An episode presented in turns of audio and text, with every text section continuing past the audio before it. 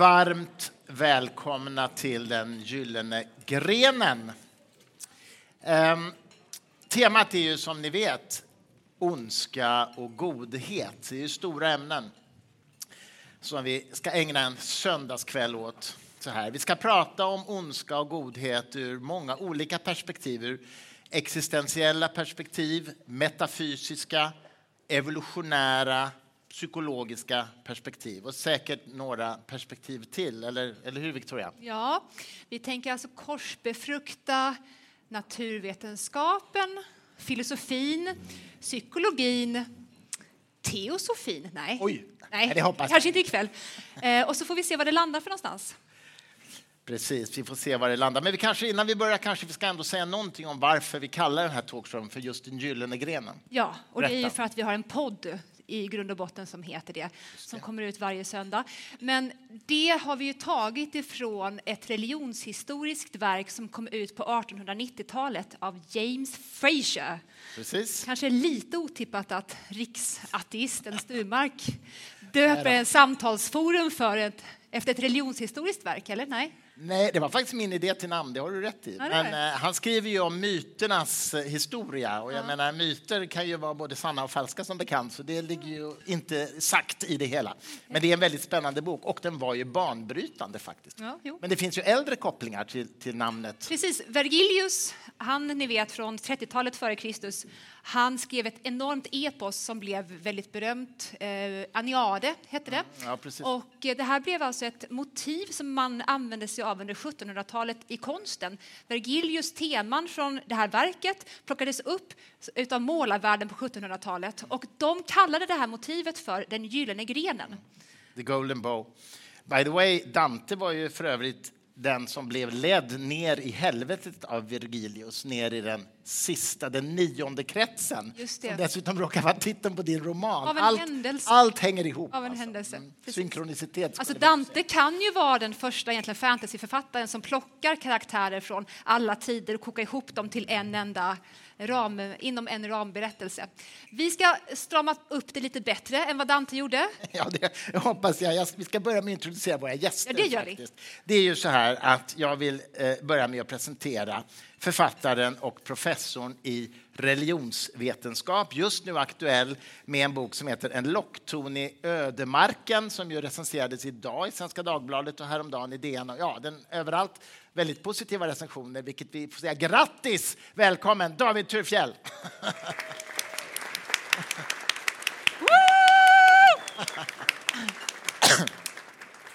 Och välkommen. Tack. Dessutom konstnären, serietecknaren, romanförfattaren till den enormt bra boken Rum utan titel, Nina Hemmingsson. Välkommen upp.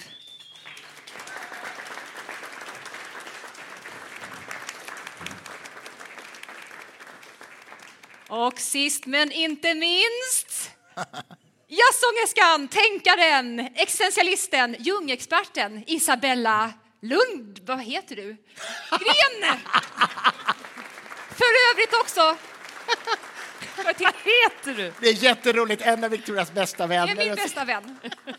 Det går bra. Vad heter du? Jätte... Nej, nej, det var kul. Ja, men nu sitter vi här allihopa och vi tänkte värma upp eh, kvällen och det här samtalet med att prata om något så mysigt som våra favoritantagonister. Och jag tänker då att antagonister, ni kan fundera där ute själva också. Vilka är era, era favoritantagonister från litteraturen, från filmvärlden, men kanske också från verkliga livet? Har ni några fiender?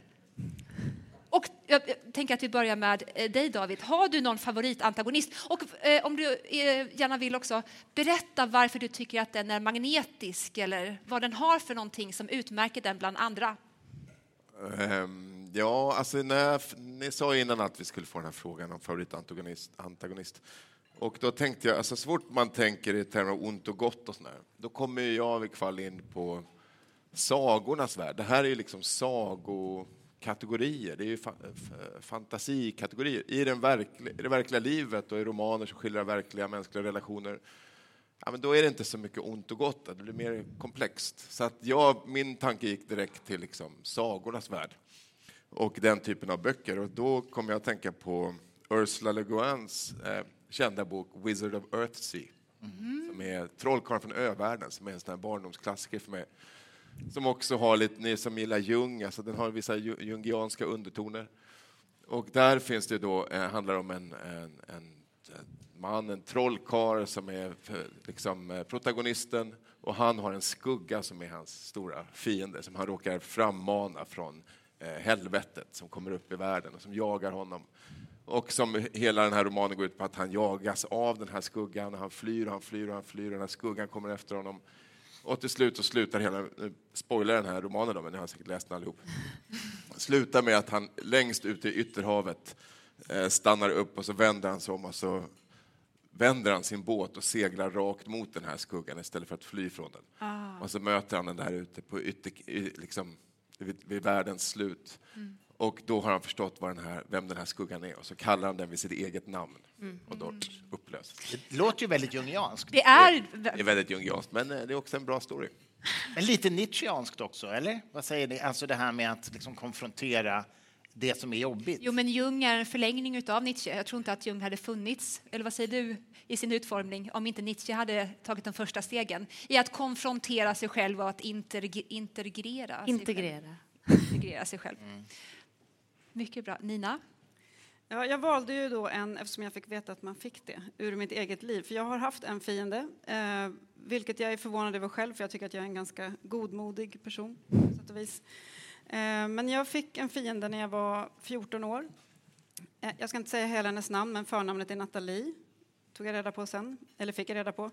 Eh, det var en tjej som eh, eh, hon och hela hennes gäng gick på mig på nattbussen i Uppsala och hotade med att... Eh, ja, de, bara, de valde ut mig som ett offer och eh, hotade med att eh, ge mig otroligt mycket stryk. Och jag blev så skrämd av den här upplevelsen så att jag blev på något sätt kränkt i själen. Jag har lite svårt att, att förklara djupet av kränkthet. Men, men efter den här händelsen så visste jag att alltså de la någon slags liksom, förbannelse på mig som var att om du visar dig ute själv så kommer vi kommer plocka dig.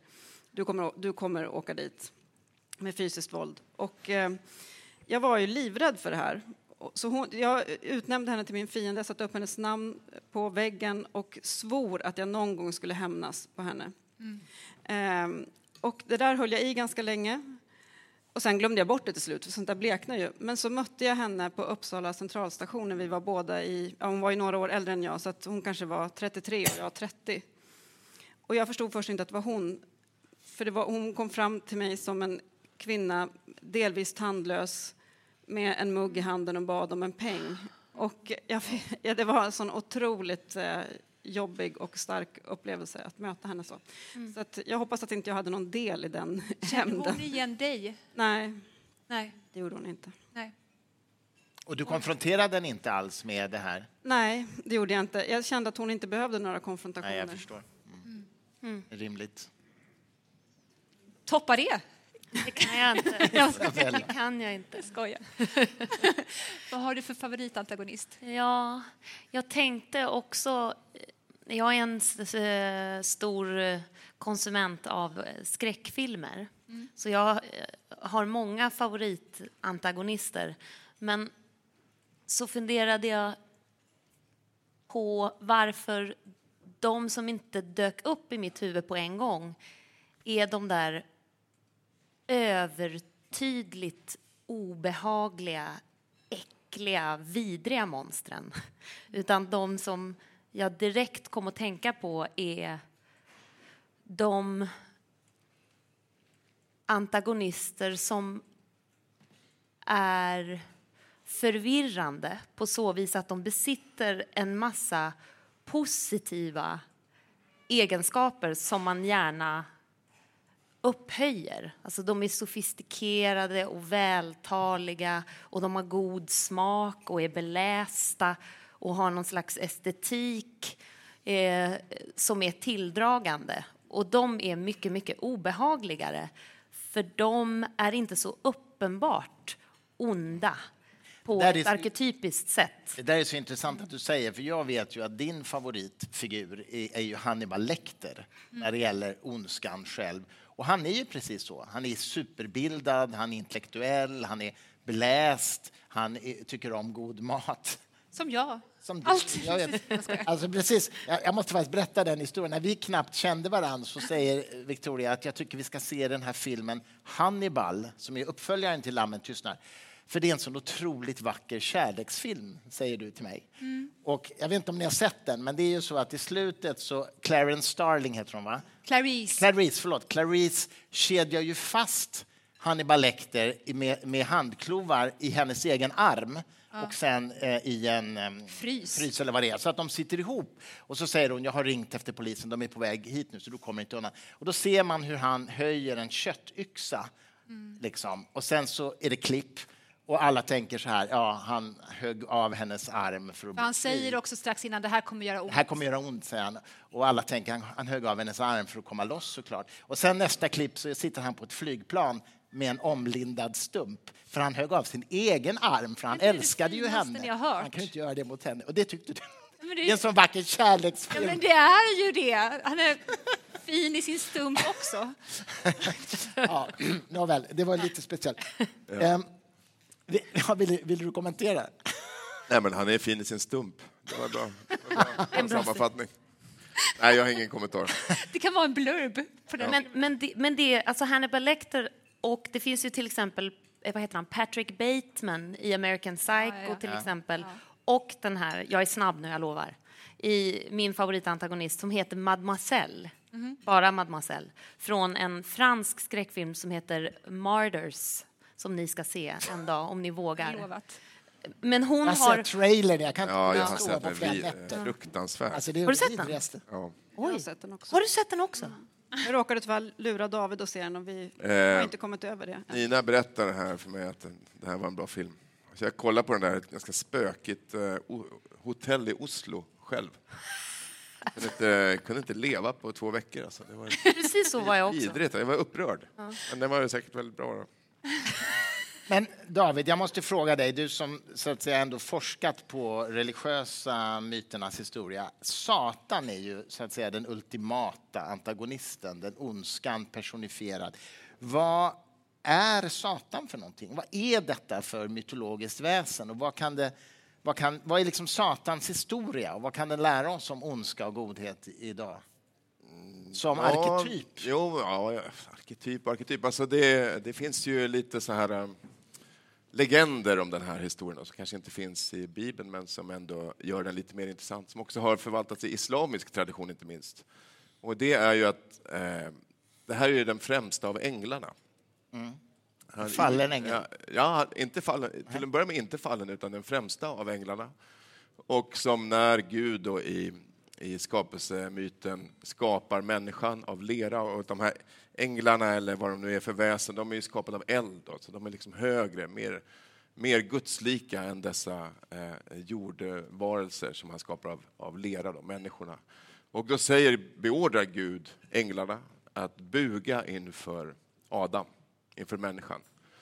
Eh, Och då vägrar denna Iblis, då, den högsta Lucifer, den högsta av änglarna, han vägrar att buga inför Adam. Och eh, därför att han är ju den sanna monoteisten. Och en sann monoteist, det här är ju monoteistiska religioner, Gud. den sanna monoteisten är den som bara bugar inför Gud. Och så beordrar Gud honom att buga inför någonting som är skapat och då, det går inte, han är lojal mot Gud. Och därför ska han straffas, för att han är för, ja, han håller reglerna precis som det var sagt från början. Han är byråkraten. Han är byråkrat, byråkrat och är exceptionellt lojal och den totala monoteisten. Och därför, för att han inte kan vara flexibel då, i detta, och eh, så kastas han ur paradiset och faller med sina härskaror ner i, i helvetet. Och, men han ges ju då respit att, eh, att få finnas kvar i världen så länge till, tills domens dag, därför att som var som en sorts motkraft mot Gud. Sen finns den där historien i lite olika varianter och har förändrats genom historien. Men det där är ju lite intressant att han är den, det är han som är den rena monoteisten. Han är den främsta. Det är. Men stämmer det som jag har fångat upp någon gång bara när jag läste något att man på medeltiden kunde, eh, alltså människor som hävdade att kraften kommer inifrån oss själva och inte utifrån, de definierades som satanister eller fast de egentligen inte så att säga hyllade eller vördade Satan utan de sa bara att det är vi människor som har en kraft inifrån. Det är inte, Det är ju gnostikerna också, de, Ja. de predikade ju det och det är 1100-talet. ja, Katarerna, de blev ju dödade. Historiens första kända folkmord faktiskt. är det så? Ja, Men definierades de som satanister så att säga av de, de, var, rättlärda? de, de var härdare. Eh, Kättar och hädare, ja. Ja, men därför att I det här första så är det ju att det finns någonting i det sköra och bräckliga som är kopplat till det goda. Alltså det, att, eh, och det här finns ju, om man tar då i alla de här sag, äh, sagor och i, i liksom Star Wars och Sagan om ringen och Harry Potter, jag vet inte, alla de här sagorna som vi omger oss med och genom historien, så det ofta, finns ju ofta en sorts bräcklighet i det goda laget. De är inte de här starka, förutom enstaka då, tanke, jag jag tänker på Steven Seagal, han kanske är motsatsen till det, han är väldigt stark. Men de flesta är ju att de är lite bräckliga, de slår, slåss lite i motvind, de är liksom, kämpar uppåt. Uppdraget är för stort för dem Ja. egentligen. Och det finns någonting i det bräckliga och det sköra som brukar liksom i sagorna då associeras till den goda sidan. Ja. Medan det här äh, superstarka, okrossbara är associeras till det mörka. Och det är därför som de flesta antagonister är också väldigt proaktiva på ett annat sätt än vad antago eh, jag fel? Antagonisten är ofta, pro, nej, antagonisten Ja. är ofta proaktiv. Ja, ja, mm. De har en plan från början, till skillnad från då den goda i berättelsen som ramlar över ett uppdrag eller får ett uppdrag i knät på sig. Och sen måste de börja axla det där efter tidens gång i filmer och litteratur. Men då har, de, då har liksom mörkret det här försprånget redan av att ha lagt ut det här mönstret, bombmattan. Men du har idéer om just hur kvinnlig ondska eh, gestaltas? Inte bara kvinnlig egentligen. Jag tänker att den me- mest, flest, ondska överlag gestaltas som estetiskt eh, attraktiv ofta. Eh, onda drottningar till exempel är otroligt flärdfulla. Tänk bara på alla Disney-drottningar som man har sett under barndomen. De var ju helt Fast ärligt... häxorna är fula. Ja, En stor ja. vårta på näsan. Jo, men de kan också förvandla sig till att vara förföriska och sköna. Sen är det så att någon gång under historiens gång, då visar den kvinnliga ondskan sitt rätta ansikte. Och då är det någon kärring med vårta som tittar fram. Eller som i Törnrosa så är det en stor drake som axlar upp vingslagen och är jätteläskig. Men till det yttre så har de då en, en väldigt vacker skönhet. Och vad jag, vad jag undrar vad ni tänker om detta. Hur kommer det sig att ondskan måste vara innerst inne, in, inuti sig själv ful och frånstötande. På, i, till det yttre kan den ibland vara fin, men när man, den visar sitt rätta Ja, ansikte, det. då är det någonting vedervärdigt. Varför kan inte ondskan vara vacker? Varför är det kopplat på det sättet, tror ni? Ja, jag tänker ju... Jag tittar på mycket skräckfilmer, precis som du tydligen gör också. Ehm, ja, men jag tänker att i, i skräckfilmer så... Nu kanske det här... Jag kanske glider lite, men... Glid på. men ehm, det, man tar, ju- försöker ta tag i någonting som på något sätt inte finns. För jag tycker att det här som är ondskefullt och hotfullt, det det mest hotfulla med det är ju på något sätt att det är ett glapp, att det liksom inte, det går inte att få fatt på det i verkliga livet. Man kan inte riktigt se det, man vet inte vad det är. Och eh, då, eh, det är det som skräckfilmer, som gör att skräckfilmer är så tilldragande för vissa, att man faktiskt liksom fyller det med ett monster eller vad det nu är. Och då, då är det väl liksom naturligt på något sätt att man gör det fult och eh, läskigt för att bli, ja, lite övertydligt då kanske visa att det, det är det här som är det onda.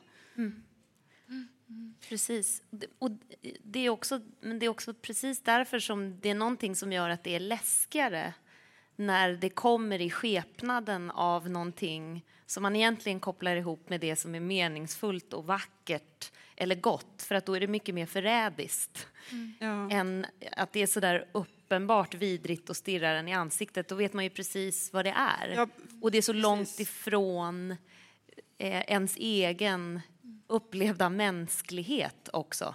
Alltså när man ser det i, i form av en, en vanlig, trevlig, vacker människa så är det lättare och därmed också läskigare för det är närmare en själv än un, det underjordiska monstret med Ja, för jag- stora klor. Jag tycker nog att det, i, att det lika ofta skildras som någonting vackert eller oskyldigt, som ett barn. Om man tittar i skräckfilmer just i alla fall. Att, Ja. att ondskan kan, kan komma som ett barn. Men blir eller, inte det barnet äckligt efter en stund? Att det visar några otäcka tänder? Jo, det, så det är det aldrig alltid. så att det är bara ett litet gulligt barn rakt igenom och sen är den slut. Nej. Men jag måste opponera mig lite här för att eh, det, vi, eh, det finns ju också, jag kan inte helt riktigt gå med på det här att man tänker sig att det finns, för det här är ett jungianskt, lite jungianskt eh, perspektiv. Alltså att det finns grundbilder och grundmönster och de återkommer. Ondskan är så här och det finns det onda och det goda och det här återkommer i, i mänsklighetens historia överallt och man kan hitta det i alla kulturer. Det är liksom ett perspektiv. Men det finns också en väldigt stor risk att man då projicerar sina egna mönster på liksom, eh, historien. Och eh, just den här James Fraser som har skrivit den här Gyllene grenen, det här är en av de främsta kritikerna av den, hans eh, forskning, att man tar, eh, tar idéer från, som är hämtade från sin egen samtid och ens egen historiska berättelse och den liksom värld, idévärld man själv befinner sig i, som är väldigt präglad av det judisk-kristna om man är, kommer från den här delen av världen. Och sen tänker man att det här är någon sorts, det här är inte bara våra berättelser, utan det här är mm. mänsklighetens grundstruktur. Mm. Och sen försöker man hitta det här och så åker man till Sydamerika och där har de något helt annat, men man liksom ah, trycker in verkligheten i de här kategorierna. Mm. mm. Och jag tror att, det, att hela idén med det onda och det goda, att det här det finns, tillvaron delas i en dualism, vi, vi slits mellan det onda och det goda, och det onda har sina särdrag och det goda har sina... Det är det kan vara en, kultur, en, kulturell konstruktion som är starkt här i vår kultur, mm. men inte nödvändigtvis i kinesisk eller japansk eller papuanyagiansk eh, tradition. Mm. Mm. att man får, man får se upp. Men det tycker jag, det är ju väldigt tydligt i skräckfilm till exempel, att just det här med vad, vad är, hur delar man upp liksom hotet? Alltså, i de skräckfilmer som jag har tittat på länge, som är mest amerikanska skräckfilmer kanske, då har det varit väldigt så uppdelat i ont och gott och eh, ibland segrar det goda och inte alltid. Men sen när det kom den här asiatiska vågen med skräckfilmer, då var det mer att det var någonting som bara hade satts i rullning. Det var liksom inte riktigt gott och ont, utan det är någonting som har gjort att någonting har börjat rulla. Mm. Och det går inte att stoppa. Men det är inte gott och ont Nej. riktigt. I asiatiska? Ja. Det, det är typ Godzilla och den typen? Nej, men senare, jag tänker på de här. Eh, Ringu och ja. The Grudge och sådana filmer. Att det, liksom, det är inte gott och ont riktigt, utan det är bara man har råkat störa någonting. Så det är mer som en process som, som sätts igång. Men får jag fråga er som gillar skräckfilmer där borta på flanken. Vad är det för... Skräckflankerna. Skräckflanken. Vad är det för psykologiska processer som skräckfilmerna väcker i er, alltså, som gör, gör, att ni dras till det? Vad, vad, är det för någonting som ni får av detta? Ja. Eh, nej, men jag tror att det har att göra med att eh, Ehm, just det här. Jag tycker själv det som skrämmer mig mest i mitt liv det är frånvaron av någonting. Alltså frånvaron av eh, en gud, till exempel. Eh, att bli... Ja, någon, det här glappet. Eh, och i skräck så, så, manifesteras det på olika sätt. Och jag...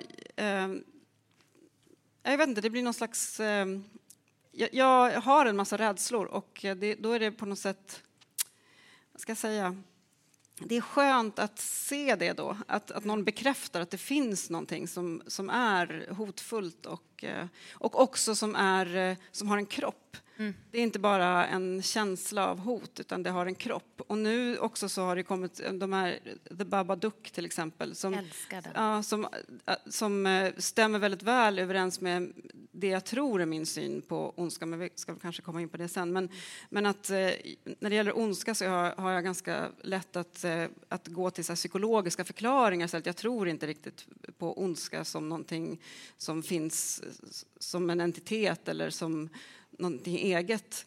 Eh, och eh, den, där är ju monstret egentligen bara en förträngd sorg. Mm. Ja, så jag tycker att det, och, det, och skräckfilmer sätter saker på sin spets. Det handlar väldigt mycket om den tiden man lever i. Vad är det som man är mest rädd för just nu till exempel? Mm. Isabella, vad säger du? Jag håller med den andra halvan av skräckflanken. eh, okay. och, eh, alltså, Aristoteles skrev ju om tragedin i om diktkonsten. Ja. Och då beskrev han precis det här, eh, alltså att när vi... För han ställde sig frågan varför tycker vi om att gå och sätta oss och titta på något som bara är fruktansvärt vidrigt, smärtsamt och hemskt på alla sätt och vis. Och då menar han att vi upplever en form av katarsis, alltså någon form av reningsritual i oss själva på grund av att det där abstrakta, obehagliga, klumpen i bröstet konkretiseras i den här berättelsen. Att det är något vi känner och förstår och upplever men det är aldrig det är abstrakt alltid, fragmentariskt, svårt att greppa. Och i det där monstret, i tragedin, i det fruktansvärda som händer så händer också någonting med oss själva, för att det blir tydligt. Det finns eh, studier av eh, människor, vad, hur människor relaterar till olika typer av landskap i naturen och, så här, och, och vilka sinnestillstånd som eh, Eh, motsvarar vilket landskap och vad man trivs bäst om man har sorg eller om man är glad. Eller så. Det finns sådana intressanta psykologiska studier som har gjorts av landskapsarkitekter. Och, eh, då visar det sig att folk som är... Man vill ha ett landskap som på något vis eh, speglar det inre tillstånd som man har. Så att folk som är i stark sorg till exempel, eller ah, panikångest, eller nu är det riktigt illa, de vill inte ha en vacker vitsippebacke med lite fåglar och så här, utan de kanske gillar då ett raviner och stup och liksom storm och sådär. Därför att det är någonting i det där yttre som då bekräftar det liksom inre. Och tvärtom om, det, om man är lite så här, ja men olika sinnestillstånd vill ha motsvarande landskap. Det kanske är något liknande. Jag tror verkligen att det låter som det. Och det behöver inte vara att man befinner sig i ett existentiellt eller emotionellt tillstånd eh, en längre tid för att vända sig till skräckfilmer. Det kan vara att det ligger någonting allra längst bak i medvetandet och lurar och vill bli artikulerat och bli explicit. Det explicita är någonting som jag tror vi strävar efter hela tiden. Om det så är i relationer eller Och det, jag tror också att alltså ett, int, ett intresse för eller en nyfikenhet inför det som är alltså det morbida, det vulgära, det är bara ett annat intresse för livet. Därför att det är en del av det. Men jag, jag tror att hela den här idén om det onda och goda som har ju varit väldigt stark i vår del av världen, att man kan dela in världen i de här två delarna och det finns, eh, ja, det finns en sån berättelse som har använts i massa olika konflikter och berättelser och sagor och historier genom tiderna. Jag tror att det är en ganska destruktiv eh, grundstruktur och eh, att det ligger en otrolig liksom, visdom i det här asiatiska, som de här asiatiska skräckfilmerna pekar på. Att det är liksom inte det är inte att det finns två lag och de här kämpar mot varandra som det är i de flesta, ja men ta liksom Sagan och ringen och, och de här eh, västländska sagovärldarna. Går väl tillbaka till zoroastrismen, va? Ja, jo, det är ju religionshistoriskt. Ja. Ja. Och så zoroastrismen som har den här starka dualismen som sen kommer in i judendomen på 500-talet före Kristus och sen blir en del av kristendom och islam och så här, där man har det här med oss eller mot oss. Det finns två sidor, det finns himmel och helvete. Det finns eh, eh, får och getter, agnar och veten. Det ska delas här. Och det blir en sorts här, syn på livet och på andra människor och på politik och sånt där som, som skapar mycket, mycket problem och har skapat otroliga destruktiva eh, liksom, strukturer genom historien. Medan det här är då Babadook, eller vad heter han? Ja, men att det är Ja, men det kan saker som sätts i rullning. Allt som finns där ute finns också inom varje. Där. Det finns förstås sådana tankar i väst också. Men... Eh, Jag märker nu att jag nog har tänkt att eh, den synen som vi har på ondskan som ful, att det är någon form av romersk rest som vi lever med här i väst. Eh, Därför att på romarnas tid så var det så att allt det svaga och det fula, och det klena var ondskefullt och skulle förintas.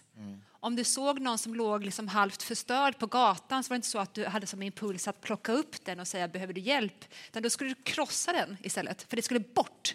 Det var farligt med det. Och när man då nu idag, än idag gestaltar ondskan som det fula, då tänker jag att det är så jävla romerskt. Det, det, det kristna säger vad man vill om det kristna, men det kom i alla fall in och försökte skapa en... en Värna det svaga. ja, men, ja, ja. Håller du med om det, det skulle inte förintas i alla fall. Ja, men jag, jag tror att det är platonskt. Alltså det är det här att det sköna och det rätta och det sanna hänger ihop liksom i en platonsk eh, världsförståelse. Om någonting är sant, alltså det är de här, vad är sant, vad är rätt, vad är skönt? Det är de tre filosofiska frågorna. Och då tänker man sig att de här hänger ihop i någon sorts idévärld. Så att om någonting är sant, om en matematisk formel är korrekt, ja, då kommer den också vara liksom estetiskt tilltalande. Jag tänkte ju säga det. det där- Gyll- Gyllene snittet. Ja. För att han var ju eh, en del av Pythagoras krets, inte sant? Platon. Ja, men det är liksom, ja, precis. Det är, den, eh, det är den traditionen. Och då måste ju någonting vara... Ja, men då måste det vara fult. Om det är ont och falskt, ja, men då måste det också vara... Det där är så intressant, för det där går ju igen inom naturvetenskapen även nu, 1900-talets naturvetenskap. föreställ- Einsteinska föreställningen om att de, de rätta ekvationerna är också de enklaste och de vackraste, de mest symmetriska och sådär. Och det finns ju idag en ganska stor levande diskussion bland fysiker om att vi kanske har blivit begränsade av att tro att den rätta vägen är den som är vackrast. Vad tror du då, Christer? Du är platonist. Vad tror Till att börja med, kan inte du berätta lite hur det är att vara platonist? Men alltså- berätta berätta vad, vad det Jag är är att vara plat- matematisk platonist. Jag är agnostisk i frågan om moralens eh, eventuella objektiva existens. inte- Där är agnostiker. Men för alla som inte eh, har läst filosofi i nutid, kan du berätta vad det platonska förhållningssättet mot verkligheten är för Ja, något? inom matematiken i alla fall så är det ju idén om att vi, upp, vi uppfinner inte matematiska objekt utan vi upptäcker dem. Alltså de, primtal existerar i någon mening, naturligtvis inte fysisk, ingen materiell mening. Metafysiskt. Men i metafysisk mening, ja precis. Där, av det enkla skälet att de är de kan inte vara på något annat sätt i någon annan del av universum. För något annat liv, eventuellt intelligent liv i universum, så kommer primtal alltid ha samma egenskaper. De är så att säga inte kontingenta som det heter, utan de är nödvändiga existenser. Och i den meningen så upptäcker vi dem snarare än uppfinner dem. Så det, I den meningen är jag matematisk platonist. När det gäller moralen är det en svårare fråga. Det kan vi faktiskt återkomma till tycker jag. För att eh, huruvida moralen, moralens väsen kan vara objektivt eller inte. Men jag skulle, jag skulle vilja pausa det och ta det lite längre fram. För att jag har några spår på det här som jag skulle vilja prata om som handlar om det ni nu har talat om, nämligen människans eh, så att säga, eventuella inneboende godhet eller ondska. Det finns ju en forskare som heter Michael Tomasello i Tyskland tror jag han är verksam, som forskar på vilka likheter och vilka skillnader finns det mellan våra närmsta släktingar, schimpanserna och människor. Han forskar då på barn som är två år och på vuxna schimpanser, för de är ungefär på samma intelligensnivå, samma kognitiva nivå. Så barn i tvåårsåldern, två och ett halvt årsåldern är som fullvuxna schimpanser. Instick, förvisso var det så att du brukade säga till folk när du bar runt på din son att snart är han lika smart som en schimpans. Ja, ja precis. Varpå folk blev ringsos nu ungefär. Ja, precis. Det är väldigt provocerande. Jag förstår inte varför. Men det är så intressant man kan göra med, eh, med min son är 13 år nu. Så att, men i alla fall, jag kommer ihåg att jag provade med att hålla upp honom framför spegeln och så satte jag en liten fläck i hans panna eller på näsan. Och ungefär vid ett och ett halvt års ålder så begrep han att det var han själv han såg. Innan det så tror han att det är en kompis som han kan leka med. Så då fattar han inte det. Men det är, det är så otroligt intressant att se när den här kognitiva utvecklingen går över just den den, den nivån, så att säga, att han förstår att det är han själv han ser i den här bilden, en slags självmedvetenhet. Och det, ja, och det är ungefär vid ett och ett halvt års ålder. Då är de fortfarande en bit efter fullvuxna schimpanser dock. Ehm, ja, I alla fall, det var inte det som jag skulle Men vad kommer till. vi med det här? Jo, jag kommer till det. Jo, Tomasello forskar på detta och eh, konstaterar ju bland annat att schimpanser är mycket mer aggressiva än människor. Och det låter ju väldigt konstigt eftersom vi startar krig och allt som pågår just nu. Och det är klart att det beror ju på att vi har lärt oss att utveckla vapen som är otroligt förödande. Vi har liksom så att säga mycket vi har oerhört mycket mera kraft bakom vår bristande impulskontroll. Men det är ju någonting som ligger utanför oss. Vi har skapat vapnen, så att säga. Sen är de jävligt effektiva. Men schimpanser har alltså mycket, mycket sämre impulskontroll än vad, än vad människor har. Vi är mycket mer toleranta, mycket mer behärskade än vad schimpanser är. Och nu kommer min fråga till hela, hela panelen. Det finns ju dock tecken som tyder på att den ytan är väldigt lätt att skrapa på. Så fort vi blir rädda eller så fort vi lyssnar på en auktoritet så är vi beredda att gå över de här spärrarna. Jag tänker på Milgrams berömda experiment från 70-talet. Jag vet inte om ni känner till det. Där, där man säger, okej okay, jag ska dra det kort innan ni får kommentera det här. Man säger till en försöksperson att vi ska kolla om bestraffning har någon effekt på lär, inlärningsprocessen. Så vi har en person här som sitter i en stol och han eller hon har lärt sig hundra ordpar, alltså ord som hör ihop. Din uppgift nu som försöksperson det är att fråga den här personen om det första ordet och så ska han säga det andra och så frågar du om det andra så säger han det tredje. Och varje gång han eller hon säger fel så ger du honom en liten elstöt med den här knappen här. Och, eh, och så gör man detta och så säger, och så säger försöksledaren vi måste höja strömmen lite nu, ska se om det går bättre andra gången han lär sig det här, om du ger lite starkare stötar. Och det man undersöker i det här experimentet är alltså inte inlärning och bestraffning utan man undersöker hur långt du är beredd att gå trots att den här personen i stolen säger det gör ont, jag vill sluta. Och det visar sig alltså att 65 procent av alla försökspersoner är beredda att ge den starkaste eh, dosen, 450 volt som, som det stod på mätaren. Till saken hör att personen i stolen spelar bara teater, han får inga stötar. Han är med på experimentet så att säga.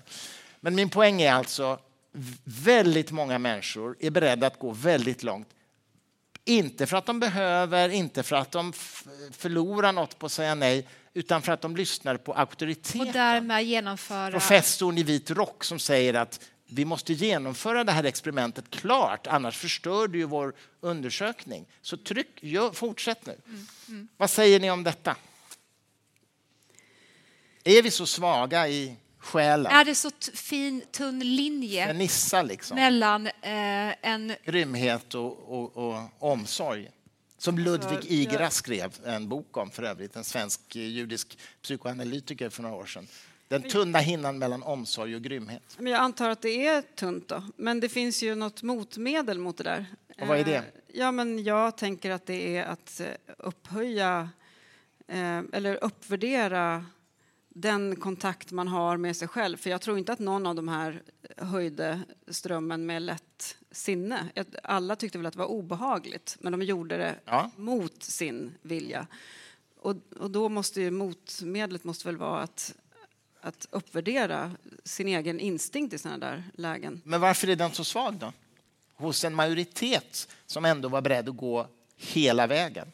Det vet jag inte, men jag tänker på Ehm, det är ju inte alls samma sak, men det ligger ändå kanske på ett sätt inom samma område. Som, um, när man är förälder så får man ju en massa råd om hur man ska uppfostra sina barn eh, precis i början också när de är spädbarn. Och då är ju en del av de här råden är ju att helt gå emot sin föräldrainstinkt att till exempel ja, de här fem minuters metoden och vad det nu är. Mm. Eh, och eh, det är ju skönt att gå efter någon sån där metod men då korrumperar man ju sin eh, sin instinkt att vara kärleksfull och mm. uh, nära sitt barn. Och det kanske först är lite oskyldigt att man, ja, man gör det för att man tror att det är det bästa och sen så uh, plötsligt så har man skadat sitt barn. Jag, jag, jag vet inte vad, vad, man ska göra eller varför det är så lätt att gå med på en sån grej. Men, men man måste stå upp för sin egen sin kontakt med sitt inre. Mm. Mm. Kan det inte, jag tänker just i den där specifika situationen så är det också så att man har blivit inbjuden till det här experimentet. Det sitter en person med rock mm. och kvalifikationer, det är en vägg emellan. Mm. Och man tänker utöver det som bara händer i stunden att ja, men det här måste ju vara kontrollerat. Det finns ju en läkare. Alltså, det finns en massa saker man skulle kunna tänka i den situationen mm. som gör att jag tycker det verkligen att det går att förstå på alla sätt och vis att det där mm. är någonting som händer i en sån kontext. Och jag tror också att skulle man förändra ramarna och kontexten lite grann mm. så skulle det inte vara lika självklart. Alltså det är också som eh, det här eh, Levinas skrev om den andres eh, ögon eller den andres blick. Alltså att det är mycket svårare när man står ansikte mot ansikte, öga mot öga med en annan människa. För då förstår du också att deras mänsklighet är deras egen, Precis. eller din egen mänsklighet. Det är därför man vänder många människor med nacken mot när man skjuter av. Ja. Man ska arkebusera. Precis. Säger någonting. Ja, jag har en kommentar till det där. Alltså, det, apropå det här med eh, eh barn. Alltså, vi som är födda på 60-70-talet. Mm. Vi blev ju placerade i en plastburk efter att vi föddes. Det är ju ganska absurt. Man tog barnen, jag låg i en plastburk och så var fjärde timme fick min mamma då amma. Det var ju så det var. Det var ju liksom, det var, det var ju ganska märkligt. jag det, det, det här är uppenbart för dig nu. Ja, det är en ganska märklig situation. Ja. Apropå att lyda auktoriteter och gå in och bara göra det som, som folk säger. Men det finns en annan, ett annat fynd i detta eh, experiment som är, är berömt. Men det här fyndet brukar man inte ta upp och det är väldigt hoppgivande apropå det här att man måste, det finns någonting annat också. Det är Milgrams experiment. Ja, precis. Det, det är mörkt, det är svagt, det blir, det blir folkmord och eh, vidrigheter. Jättelätt. Men det finns en svag, återigen här, Iblis, eh, Lucifer-historien, det finns en svag kraft som ändå kan stå emot. Och då är det så att en grej som, eh, som de la till i det där experimentet, det var att man lät en städerska gå igenom experimentrummet när det här uppskruvningen av liksom voltnivån håller på att ske. Och om den här städerskan sa så här, men vad gör du? Vad gör du egentligen? Alltså någon som låg längst ner på hierarkin, då fick man de här försökspersonerna att inte skruva upp. Det var intressant. Så att, någon, så så att det finns det här, vi, vi böjer oss under hierarkier, men en liten röst underifrån kan också göra skillnad. Så det är ju liksom en, Det var hoppingivande. en, hoppingivande sida av det. Sen Så har jag inte vägg- exakta Den procenttal. här väggen är väldigt tunn, eh, både när det gäller att begå ondska men också att kastas tillbaks igen till en form av nykterhet. Ja. Men sen är det ju hela tiden två nivåer. För en nivå är liksom, prata nu, vad kan vi säga liksom evolutionsbiologiskt och så här. Det är, det är en nivå. Sen är det här, hur ska vi le, hur ska vi agera politiskt och moraliskt i våra liv? Det är liksom en lite annan nivå på något vis. Jag hörde en intressant grej på evolutionsbiolognivån. Det här ger inte så mycket vägledning för livet, men eh, det var lite intressant. Och det var en teori då att eh, ondska, alltså varför är vi liksom vi borde vara egoistiska bara eh, hålla på och vara som schimpanser och försöka sko oss hela tiden. Varför gör vi inte det? Och, och då var en teori, det här är ju ganska mörk, mörk människobild som ligger till grund för den här teorin kanske man kan säga, men den kanske stämmer ändå. Och det är ju då att ju mer avancerade vi blir som art, desto mer eh, måste vi börja dupera varandra. Alltså vi måste låtsas att inför flocken att vi egentligen vill dem väl, för då får vi fördelar. Vi är själviska, men vi försöker dupera.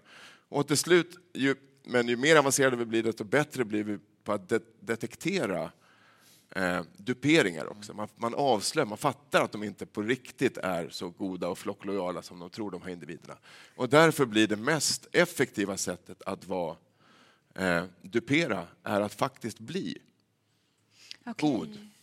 Liksom att man faktiskt tror själv att man gör det, att man är självuppoffrande och uppoffrar sig för flocken. Det blir då liksom ett, det är så evolution, evolutionen befrämjar. Och därmed planteras Godhet. den här standard eller referensramen inom... Och det är ett sätt att knyta liksom själviskhet Ja. till eh, altruism. Som ett Det där är superintressant. Tomasellos experiment, jag ska berätta om ett par som är väldigt, talar i, i din riktning här. Alltså till exempel så har man gjort experiment där man behöver två individer som behöver dra i två snören samtidigt för att komma åt mat som står en bit bort, men du måste få det närmare. Då är det så att om det är två schimpanser som drar, om den ena drar lite snabbare så han kommer åt maten före den andra, då slutar han samarbeta, för då har han ju kommit åt maten. Men om det är två ungar, alltså två och ett halvt-åringar på ungefär samma kognitiva nivå som chansar, som drar, då är det så att då slutar de inte samarbeta bara för att den ena har kommit åt maten, utan de fortsätter att samarbeta. Det vill säga det som Tomasello kallar för shared intentionality. Vi har ett gemensamt mål här som vi delar. Och likaså eh, om två... Schimpanser kan alltså samarbeta, men de slutar när de har nått sitt eget mål, även om den andra inte har gjort det. Och samma sak gäller om två schimpanser samma, eh, håller på med någonting och den ena bara slutar plötsligt. Då fortsätter den andra att försöka själv och misslyckas möjligen då. Men det är det enda som händer. Men om två barn samarbetar och den ena slutar, då försöker det andra barnet överta, få den andra att fortsätta samarbeta. Och Och då är här det, i... ja. Ja, förlåt? Säg. då är det hoppfullt, för det innebär att vi har ju varit bra för vår art då, Ja. evolutionärt, att vi har haft det här. Ja. Liksom det, Och då- det är lite hopp om hur, Och då är det nämligen fungerar frågan som vi ska prata om i nästa akt. Vad är detta specifika som uppenbarligen är unikt mänskligt då och som våra absolut närmaste släktingar inte har? Det ska vi prata om i nästa akt. Men nu är den här akten över och det är 20 minuters paus. Ät och drick och vi kommer tillbaka strax. Tack ska ni ha.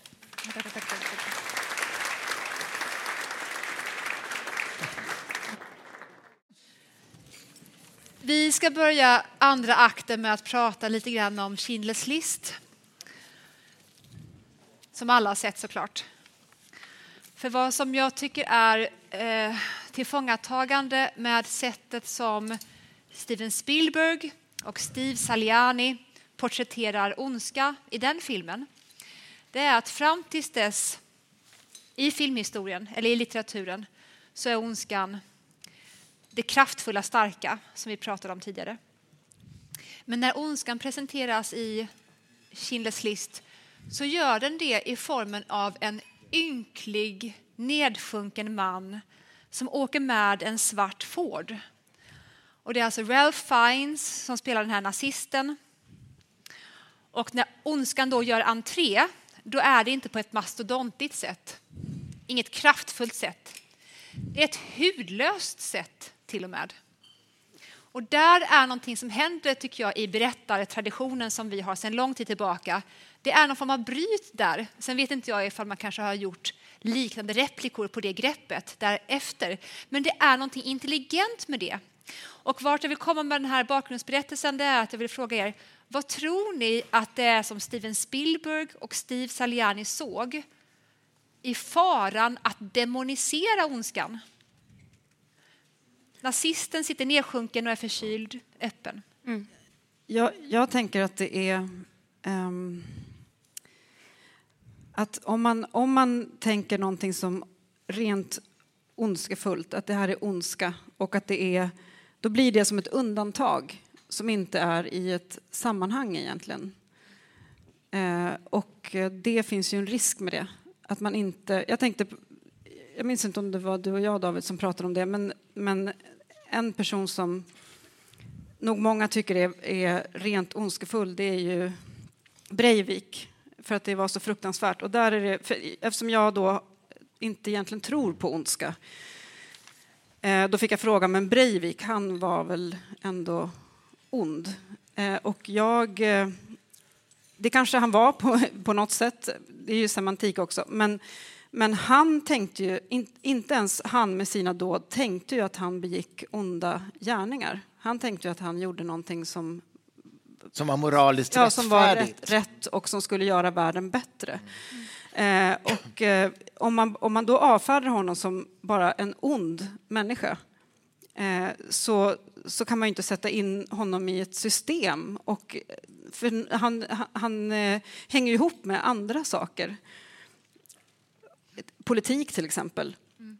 Eh, så det, jag, jag, jag, tänker att, man, att de såg det som riskabelt att, att eh, att demonisera. Men jag vet inte. Mm. Ja, men det är väl också något som har gjorts med just nazisterna, att det har blivit en, sån, en obegriplig liksom, motbild, det ondaste onda, det här kan aldrig hända igen. Det var liksom ett, nästan ett övernaturligt demoniskt fenomen som kom. Och det är förstås livsfarligt att tänka så eftersom eh, ja, men vi har ju ett krig nu i Europa med, med en extremt eh, hetsk eh, retorik. Vi har haft folkmord i Europa efter andra världskriget också. Mm. Och, eh, så det är klart att det finns en otrolig risk att falla in i de här enkla, det finns onda och det finns goda och vi är de goda och de där är de onda. Så det kanske var det de eh, tänkte på. Men sen slår de också en annan sak och det är ju det här, vi pratade innan om att eh, de goda var i liksom det här berättelsevärlden är lite så här svaga och lite sköra och man kämpar och man är en liten brokig skara och de onda är de här starka.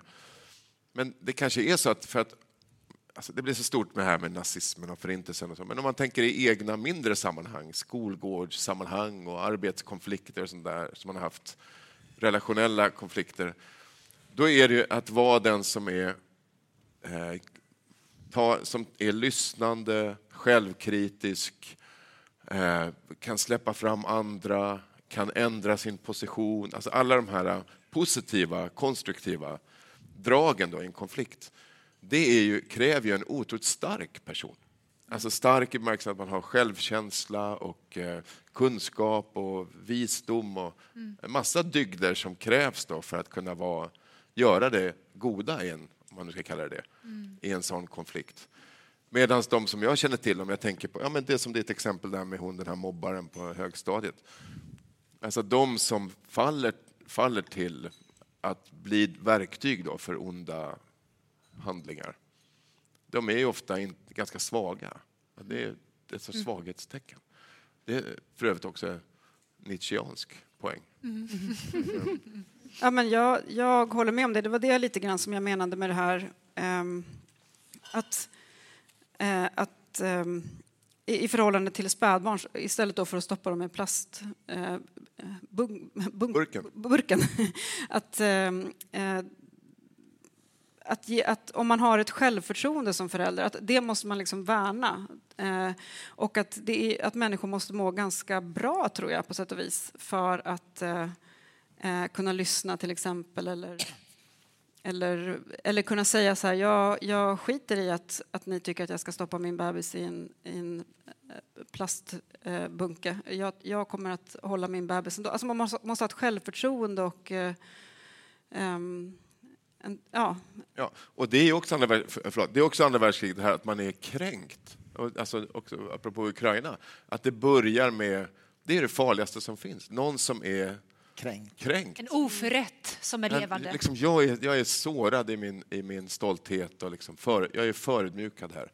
Och det när folk försöker ta sig ur det, då, då är det farligt. Isabella, vad tänker du om det här? Riskerna med att demonisera ondskan? Jag tänker utifrån det som ni båda sa nu, och det, det finns ett citat som sammanfattar det där ganska väl som är The road to hell is paved with good intentions. Ja, det. Eh, och så tänkte jag på en dokumentär som jag såg för en massa år sedan. Och då var det en, ehm, en man vars livshistoria de berättade om som hade varit soldat i Rwanda och han hade tränat barnsoldater och han hade en Alltså det var en sån fruktansvärt lång eh, lista med människor vars liv han hade tagit. Ehm, och så sa han vid en tidpunkt, för han hade då spenderat tio år eh, med att försöka rätta till på det sätt som det är möjligt den, eh, det fruktansvärda lidande som han hade skapat. Men då sa han att man kan skatta sig lycklig om livet aldrig tvingar en att se vilka fruktansvärda ting man är kapabel till. Oj. Och det är, det, är, det är också någonting i det där att ju mer, det kan jag se själv under perioder när jag har varit väldigt medveten om att jag vill vara god och dygdig och jag vill göra rätt saker och jag vill gärna signalera till världen att jag är dygdig och god och gör rätt saker. Det är då jag har haft som flest hemligheter och det är då jag har varit som värst egentligen för att jag har liksom inte kunnat få kontakt med det där i mig själv som är själviskt och illasinnat och girigt eller fåfängt eller vad det nu än kan vara.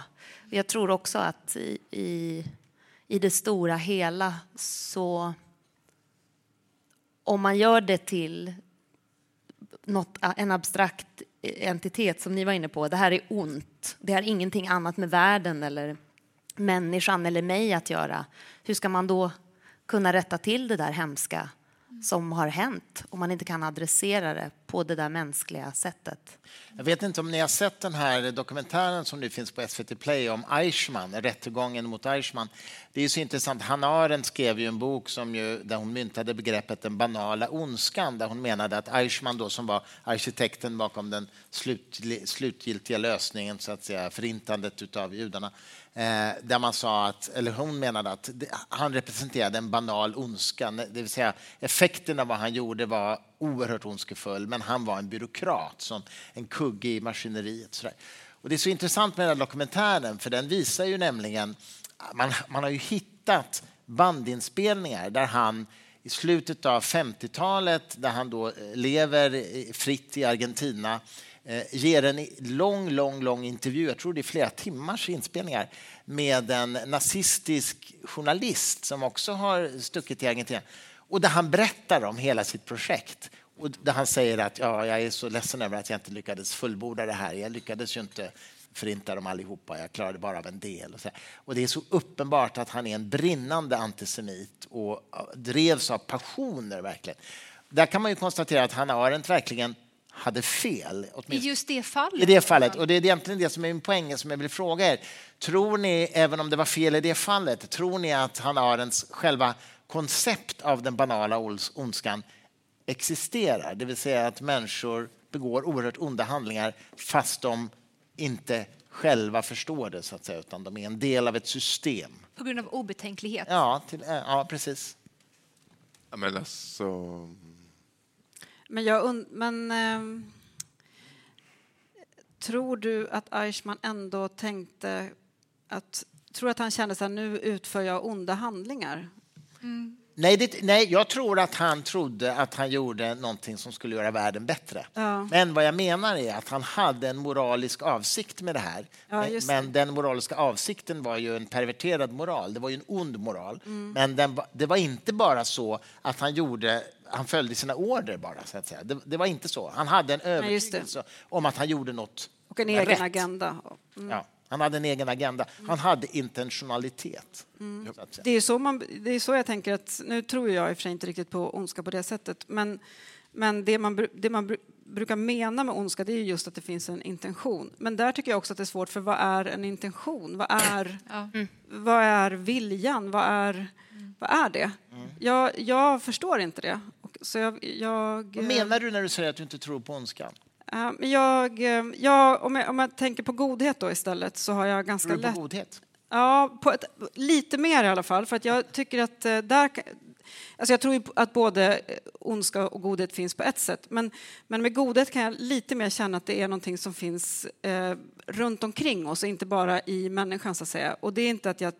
Jag vet inte om det är sant, men jag kan liksom känna att det är sant. Jag kan känna ibland att det här... Nu, nu dyker jag på någonting som är gott eller nu strilar det in någonting i mitt liv som är gott.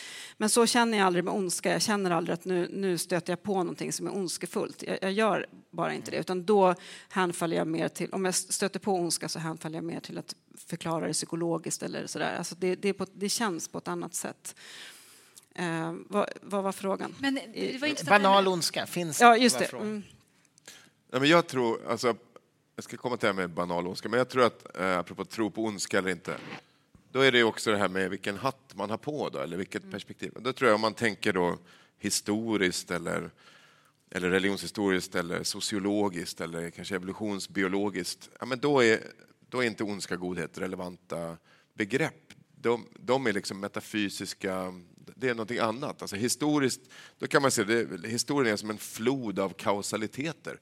Och evolutionen är en flod av kausaliteter och ibland så uppstår det konflikt och ibland så är det harmoniskt. Och, och så, så bara kör det på liksom. Och eh, eh, medans eh, ondska och godhet ligger på en annan nivå. Det är ju liksom en sorts upp... Ja, tack, Det är en sorts eh, känsla som man kan ha i livet. Men jag tror inte heller på den, därför att jag tänker att den är så... Eller jag vill inte liksom ta in den för starkt eftersom den är så präglad av det här eh, tudelandet av det finns onda och goda och som jag tror kan vara destruktivt och som jag tror kan leda till att man ser saker, man inte erkänner sidor hos sig själv. Så här som, som du var inne på Isabel, man, ser, man erkänner inte sidor hos sig själv därför att eh, i någon sorts självupphöjande idé om att man är bättre för mer än andra. Man tänker, jag skulle aldrig kunna göra det som eh, de här soldaterna, eller tyskarna, gjorde under nazismen. Och så. Och det tror jag är livsfarligt. Ja. Men däremot, om man skulle säga, istället för ondska och godhet, säga förödmjukelse och upprättelse, eller liksom en lite annorlunda eh, liksom, tudelning där Det är väldigt bra. då, kan jag, då tycker jag mig, det här är inte då kanske historiskt och sociologiskt, men upplevelsemässigt så jag kan känna smaken liksom på något vis av för, förödmjukelse och smaken av förlåtelse eller upprättelse. Jag kan liksom jag kan se ett klipp på någon elefant som hjälper upp någon liten bäver eller, eller vad det kan vara. Och, och känna här, det här finns en kraft i universum som är... Ah, det är någonting i det där. Och jag kan se någon som blir förödmjukad eller åt, liksom inte eh, eh, kränkt på något sätt och känna en sorts... Uh, ah, jag, kan- jag kan känna det här som stäm mer än bara som liksom, det finns olika kausaliteter och olika orsakssamband som gör att det händer någonting. Jag upplever det som liksom stämningar i existensen. Och eh, de upplever jag som att de finns. Och att det finns sätt som vi människor kan göra för att sträva bort från då förödmjukelse mot eh, upprättelse och försoning och kärlek. Och där är ju då det här självreflexiva och det ärliga extremt viktigt. Men tror du att det är en kraft i universum som är oberoende av människan? Jag tror att den finns också hos andra arter. Alltså på det, jag tror inte att bara... Ja, men eh, Nina har ju eh, eh, hundar. Eh, och relationen med dem, alltså det, det, jag tror att det här finns utanför människan som art. Och eh, kraft, alltså jag tror inte kanske att... Eh, eh, det låter så abstrakt att det skulle vara någon kraft, men det är som ett fenomen som finns. Men, tro, men som... tror du att det är en så att säga evolutionärt frambringad effekt som har haft överlevnadsvärde hos flera arter än människan? Och att det är därför den Ja, men det, det tycker jag verkar vara en sannolik förklaring. Men eh, oavsett om det är så eller inte Mm. så är min erfarenhet... Eh, Eh, det, här är en sorts, det här ligger mer på en sorts erfarenhetsnivå snarare än en sorts vetenskaplig bedömning av hur tillvaron har, fungerar. Men eh, kanske det. För det, det är det jag skulle vilja fråga er egentligen som vi avslutade första akten med. Eh, Tomasello har ju visat att det finns vissa saker som verkar vara unika för människor som i alla fall inte ens våra närmaste släktingar har och då har än mindre hundar, måste jag nog tyvärr säga, när det gäller den här shared intentionality och så vidare. Ja, men åtminstone vad forskningen säger i experiment och så här. Och, men det verkar vara så att inte ens schimpanserna har detta som jag beskrev i slutet av förra akten. Vad är det då, tror ni, som gör människan unik? För hon verkar ju ändå vara unik på fler områden än att vi har liksom intellekt och planeringsförmåga och kan bygga maskiner och sådär. Vi verkar även vara unika i moraliskt hänseende. Vad är det för någonting? Tror ni? Oj. Ja, det är en stor fråga, jag inser det. Men vi ska ju lösa de frågorna ikväll. Det är därför vi är här. Lösa dem. Ja, Vad tror du, Stenmark? Alltså om det inte... Vad, vad, Ja, du får börja ifrån lite då? Ja, Ja, du får börja. Eh, Nej, men jag, jag tror ju att det är en, en evolutionär produkt som våra hjärnor, som ju faktiskt skiljer sig från schimpanserna. Vi är, so, vi är mer sociala. Eh, vi kan bygga större sociala nätverk. Eh, en förutsättning för att kunna göra det är att kunna interagera, saminteragera i de nätverken. Och då tror jag att de här så att säga, kognitiva förmågorna har evolverat längre hos människor än Men hos alla hur andra. ställer du dig då till metafysiska, eh, om vi nu utgår från en dualism, godhet och ondska. Om du tror på det rent matematiskt, hur förhåller du dig då till det rent moraliskt metafysiska? Ja, det där är en väldigt intressant fråga. Leibniz talade ju om tre former av ondska. Den, den, den, den naturalistiska, naturliga ondskan eller fysiska ondskan, alltså som vi har sett. Leibniz är väl något av en idol för dig? Är inte det? Han var fantastisk på många sätt. Eh, Han tror ju på en metafysisk ondska. Ja, Leibniz talade om tre kategorier av ondska i alla fall. Eh, Den naturliga eller fysiska ondskan som till exempel vi har sett nu i Turkiet med jordbävning. Det är en naturlig ondska. Det vill säga, den är inte orsakad av människor. Och sen den moraliska ondskan som ju är när människor be- begår onda handlingar mot varandra. Och sen har han en idé om en metafysisk ondska, alltså en essentie- essentiell, utanför människan metafysisk ondska Ontologiskt. ontologisk existerande ondska. Nej, en sådan tror inte jag finns. Jag tror Inte? inte på- det. Nej, det gör jag inte. Nej. Där, där, Tror, tror ni på Ja, det? vad säger ni hur, hur förhåller ni er till en metafysisk ondska? Jag, jag tror inte ri- riktigt på det. Nej. Ehm, Men jag, ehm, jag tänker också att det, om man har gjort den uppdelningen, jag tror att det är en risk också, för då vill man ju såklart vara god. Alltså, det vill man ju, de flesta. Eller det vill väl alla egentligen.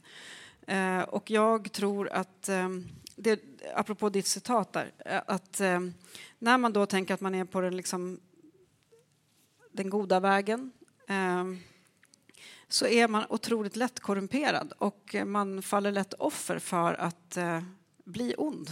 Eh, och, eh, eller vad man nu ska kalla det för. Ehm, jag tror att det är bra att inte dela upp det så eh, och vara lite vaksam och lyssnande.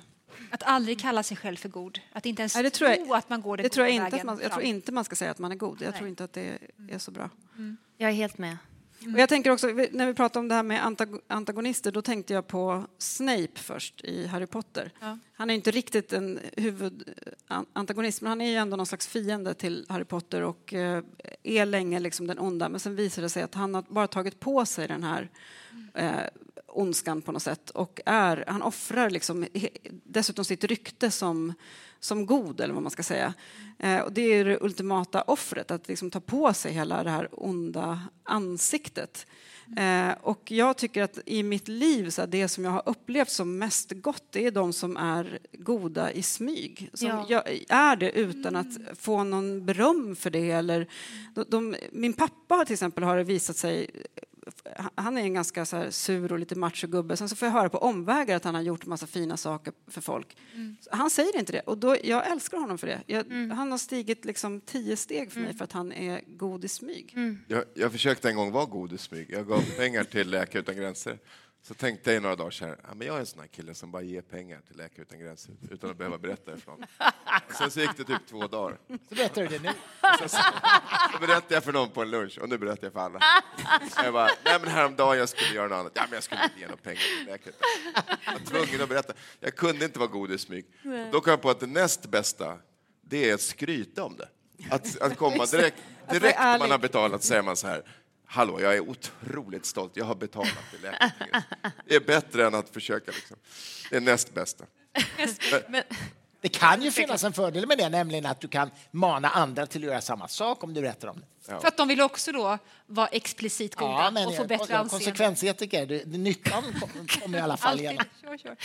Men det är alltså på, ta, på tal om, eh, vi, vi pratade innan vi gick upp på scenen om eh, vad heter det, östasiatiska och alltså västerländska skillnaden i förhållning. Och till exempel, eh, vad heter den här zenmästaren Lao Tzu, han skrev ju då exempelvis att, att den högsta dygden är omedveten om att det är en dygd och det är därför det är en dygd. Och, och det, det är någonting också på tal om det som din pappa gör i smyg. Jag vet inte om ni har sett det här, det finns på eh, Youtube, det här klippet med den här brittiska mannen som under andra världskriget åkte Ja. och ja, åkte och ehm, eh, räddade judiska barn som var föräldralösa och tog dem till Storbritannien. Och det var hans fru som, alltså de var väl strax över 80 båda två eller något sånt där, som hittade uppe på vinden en stor kartong bara där allt det här som han hade gjort under sitt liv, och jag tror det var 17 barn som han hade räddat livet på själv. Och deras namn och bilder och allt det där låg i den där boxen. Och hon tog upp det här och bara, vad är det här? Vi har varit gifta hela livet, han har aldrig sagt ett enda ord. Wow. Och sen så eh, ville hon berätta om det här på något vis. Så hon lyckades då kontakta alla de här 17 barnen som nu var vuxna och eh, hade familjer och barn och barnbarn. Och så bjöd de in alla de här barnen till en tv-show. Och den här mannen han hade ju ingen aning om det. Och så plötsligt så bara ställer de sig upp, eh, alla de här 17. Och det är första gången de får träffa honom. Eh, Eh, Och, och det är ju någonting i det där som blir så ännu mycket mer rörande och gripande. För han gjorde inte det för, på grund av äran, utan bara på grund av att det var rätt och, och fint att göra det. Eh, ja, den finns på Youtube. Den kan man... Isabella, förlåt, svarade du på frågan om du tror på metafysisk ondska eller inte? Men jag är inne på Nina spår här. Jag, inte- ja, nej, jag har svårt att... På, på den frågan, det, det finns en klassisk kristen eh, syn på det här från Augustinus, som var den här kyrkofadern på 300-talet, som har haft väldigt stor betydelse för eh, katolsk och protestantisk syn på just den här frågan. Då är det ju att eh, det finns inte ondska, utan det som finns är eh, eh, godhet. Ja. Godhet finns och det är som ljus, så att ondska finns på samma sätt som mörker finns. Frånvaron av Ja, godhet. ondska. mörker är liksom frånvaron av godhet. Så att, och då, det här finns ju också, om man tar de här sagoböckerna, som är moderna sagorna, så finns det ju mycket, till exempel i Tolkien-världen så är det ju där att de onda där finns ju inte. Det finns ingen skapande kraft i det onda, utan det är bara liksom torterade, de här de olika onda väsena är liksom torterade goda väsen. Så torterade alver blir de här orcherna och torterade enter blir trollen och sådär. Så att det onda är bara eh, brist, det är en bristsjukdom. Så, jag, jag tycker att det känns sant bara i hjärtat på något sätt, att det är en frånvaro av någonting. Ehm, jag tror att Emmerich Roth sa det också, att ehm, då handlar det om frånvaro av att agera, men någonting om att... eh, Emmerich- Emmerich Roth, ja, eh, att... eh, förintelseöverlevaren. Precis, att eh, någonting liknande som att den, de som inte gör något har gjort mer än nog för att bana vägen för ondskan.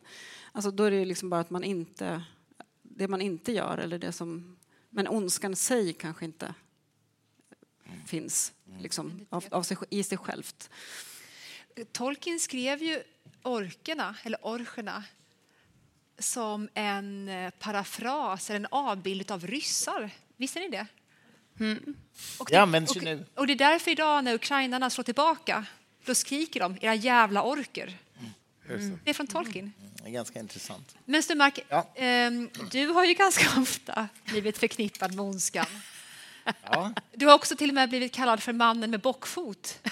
ja precis. Och innan vi går in på det så vill jag först bara fråga dig, hur är det egentligen att leva med bockfot? Känns Nej, men jag har ju varit med om några gånger när jag har varit så här, debatterat i frikyrkor mot någon sån här pingstpastor och så där.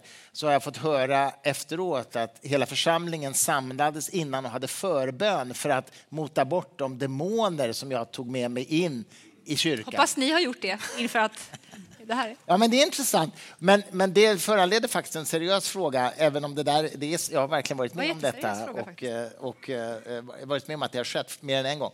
Men jag har en, en fråga om detta och det är ju utifrån det religionshistoriska perspektivet. De religiösa traditioner som ju eh, tror på en, en gud med agens, en, en god och allsmäktig gud som vill något och som kan göra något. Hur löser man då det faktumet att det finns så mycket lidande och så mycket ondska, både naturlig och moralisk ondska i världen, som denna gud inte sätter stopp för? Alltså det klassiska teodicéproblemet. Hur hanterar man det i de religiösa traditionerna? Ja, man måste liksom eh, tona ner ett av... Alltså det är ju det här allsmäktighet och eh, godhet. Hur, hur kan de... Eh, och att det faktum att det finns lidande i världen. Ja. Hur kan de här tre kombineras? Ja.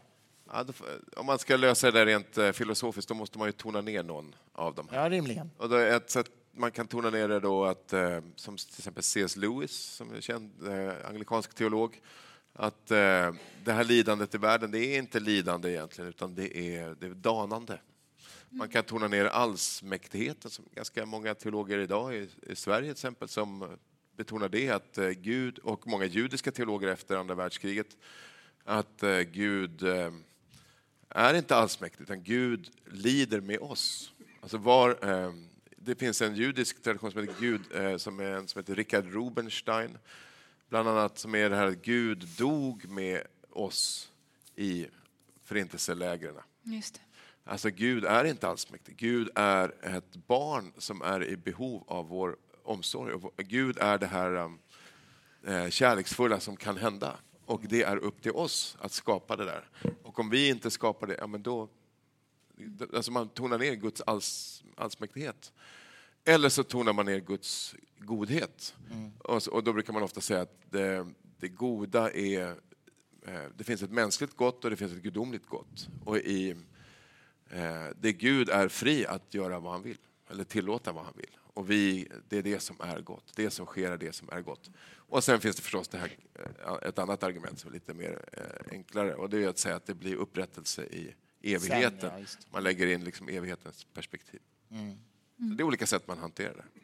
För jag tänker, ibland hör man ju det här att eh, ja, men Gud är god och allsmäktig men har gett människan en fri vilja och därför kan inte Gud så att säga, förhindra att människan orsakar onda ting. Men jag har aldrig förstått Jo- Jordbävningen blir svår att förklara borta.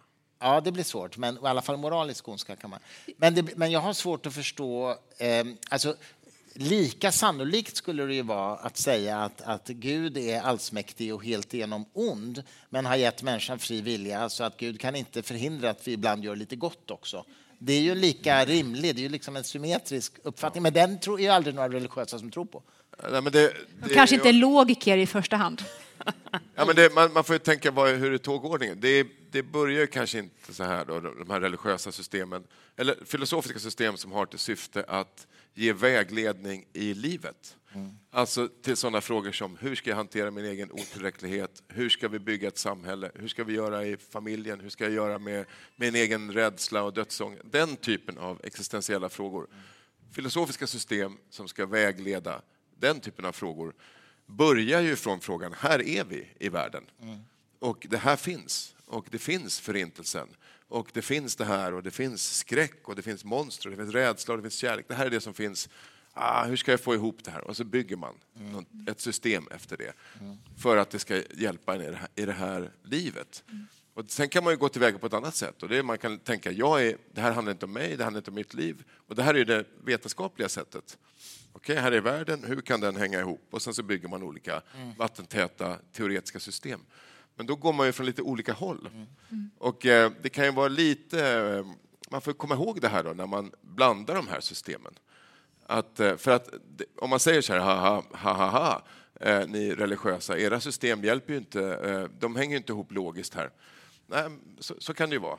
Men det är ju lite som om en, ett religiöst system skulle säga till en naturvetare, ha ha ha, det här evolutionsläran ger ju ingen vägledning i hur jag ska hantera min, min bråkiga tonåring.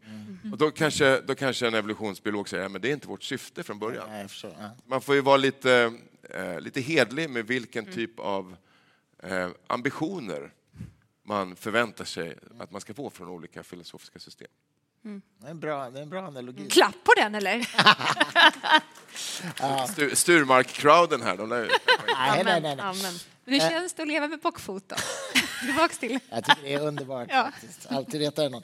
Ehm, Jag har en fråga, men du hade någonting emellan, eller? Nej. Nej. men då, då, då vill jag fråga er följande. Nu tar vi tillbaks den här frågan från Gud till människan. Det vill jag gärna göra. Ehm, Och eh, fråga så här. Vi vet ju idag att människor kan orsakas att begå onda handlingar av skäl som de inte har kontroll över alls. Jag tänker till exempel på ett rättsfall som jag läste om. En, jag tror han var snickare, en man som hade varit fredlig och, och bra hela sitt liv.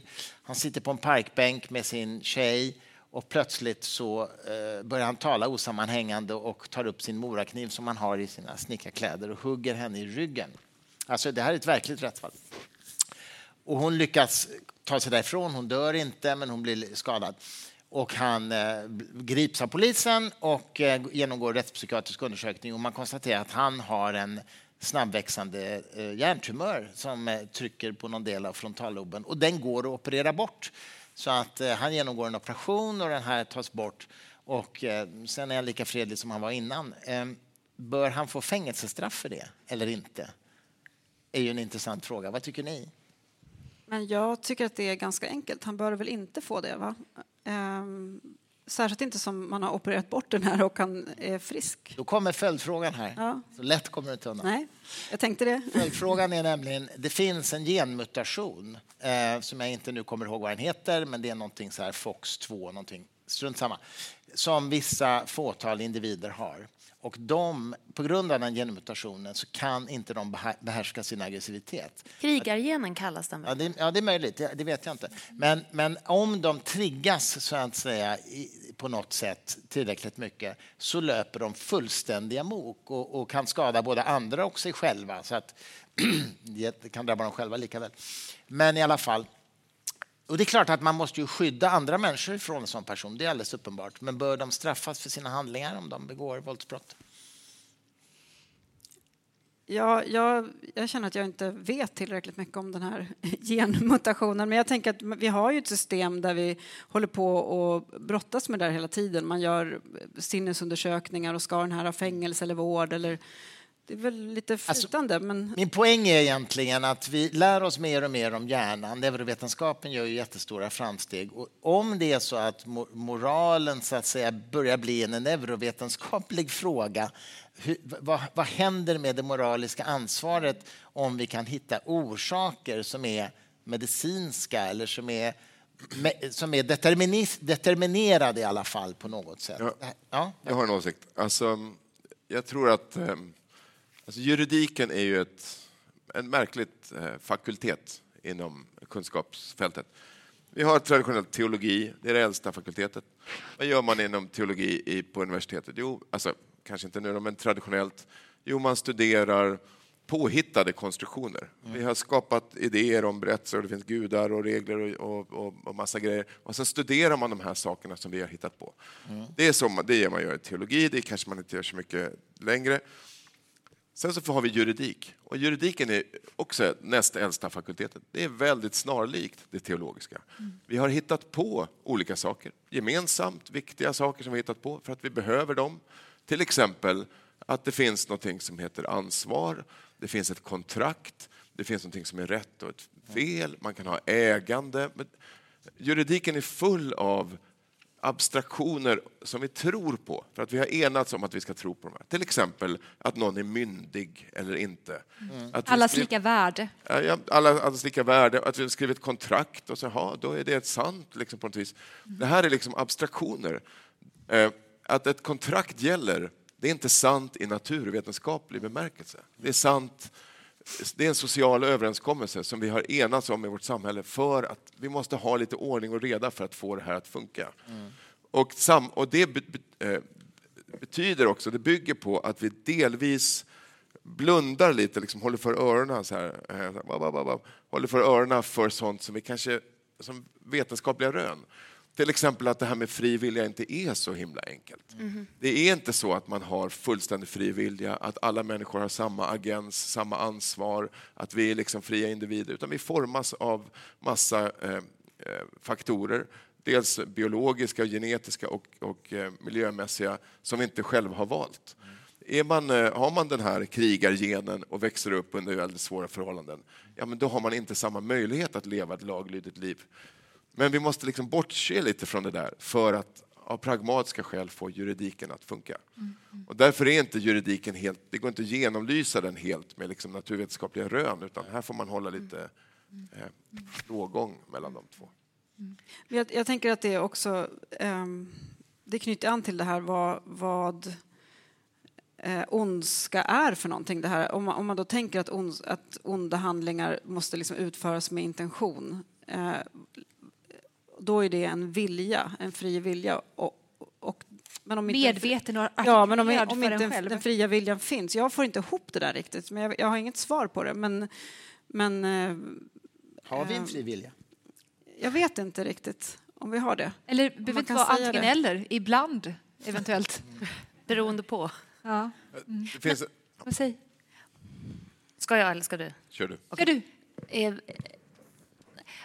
Men eh, alltså jag tänker ändå att en... Nu kan jag ju ingenting om det här så att eh, det här är bara re, rena, rama, eh, fragmentariska spekulationer.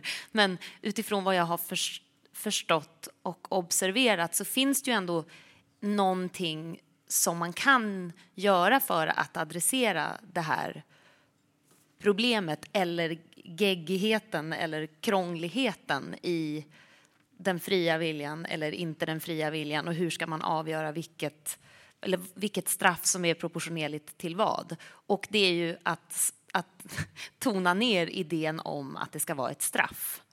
Eh, alltså på så vis, om man tittar på Norge, Sverige och Danmark till exempel som ju snarare förhåller sig till fängelse som att den ska ha en vårdande, eh, helande funktion Eh, så ser man ju till exempel det amerikanska fängelsesystemet som jag har förstått det i alla fall, eh, som ju är mer inriktad på straff, du ska lida, det ska vara för jävligt, du är dum som har gjort allt det här hemska, vilket ju känns lite bättre på ett sätt. När man ser en människa som har gjort någonting som är så fruktansvärt att man får ont i hela kroppen.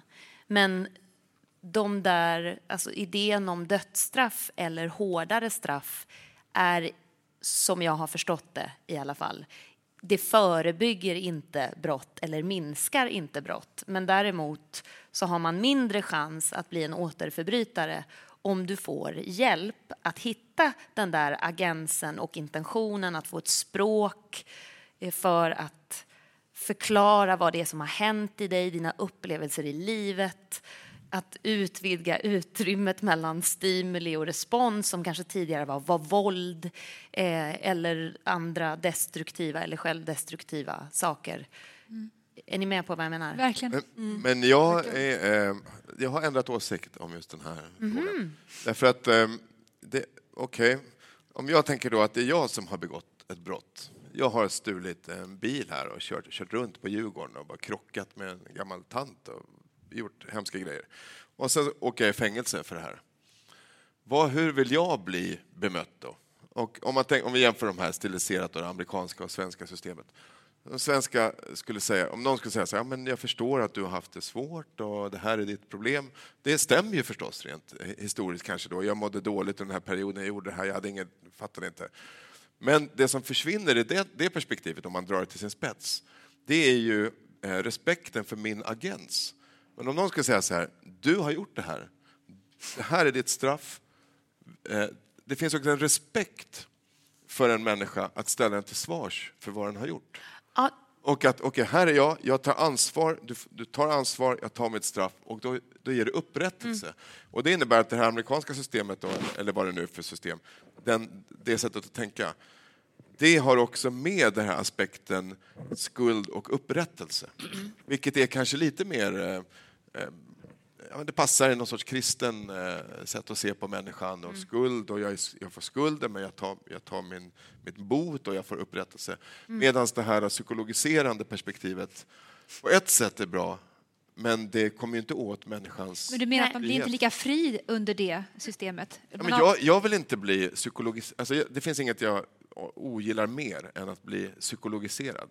Mm. Om, vi skulle, om jag och Christer skulle bråka om platonska eh, eh, mat, liksom primtal. Och, och, så skulle Christer säga så här. Ja, men jag fattar att din uppväxt har gjort att du inte riktigt att du förstår. Det skulle vara, det skulle vara ett övergrepp. Jag vill bli tagen. Här är jag, här är min tanke. Och även jo. när det gäller skuld. Och, ja, alltså, men, men, men jag tänker att det inte behöver vara antingen eller. Alltså, jag håller med om att, alltså, att bli att hållas ansvarig för sina handlingar är att bli betrodd. Det är att bli betrodd att du, du klarar av att bära tyngden av ditt liv. Även om jag, jag kan säga till dig, det här var risigt gjort. Och ja. du kommer klara av det. Jag ger dig det ansvaret att bära det. Men det behöver inte vara liksom, alltså jag tänker inte att det måste Nej. vara antingen Nej, det, eller. Jag håller med. Jag håller med. Att, utan man kan, man kan göra både och. Mm. Eller? Ni, kära vänner, alltså tiden går fort. Det här finns ju så mycket mer att prata om egentligen, men vi måste börja avrunda. Jag har en sista fråga till er, eh, kort till var och en av er i alla fall. Och det är så här, ha, om vi talar många, många generationer framåt, en avlägsen framtid, har ni en hoppfull syn på människan som art? Det vill säga, tror ni att människan evolverar mot mer godhet, så att säga. Alltså människan som art. Tror ni det eller tror ni inte det? Var och en av er. Vem börjar? Isabella Du! Jag undrar. Och nej, alltså det, det, det, är för stort. Det är för stort. Jag kan inte... Du har ingen hypotes? Nej, jag, jag kan inte greppa det eller föreställa mig det eller tänka på det. Vi är som vi är. Världen känns ju rätt mörk just nu av många ja. skäl, men, eh, men det är ju det kortsiktiga perspektivet. Jag menar verkligen på långs... Till skillnad från... Well, ja. Jag, jag, jag, ja. jag, alltså generellt så, så, så, skulle jag ändå säga, eh, men jag kan inte knyta det till några evolutionära teorier.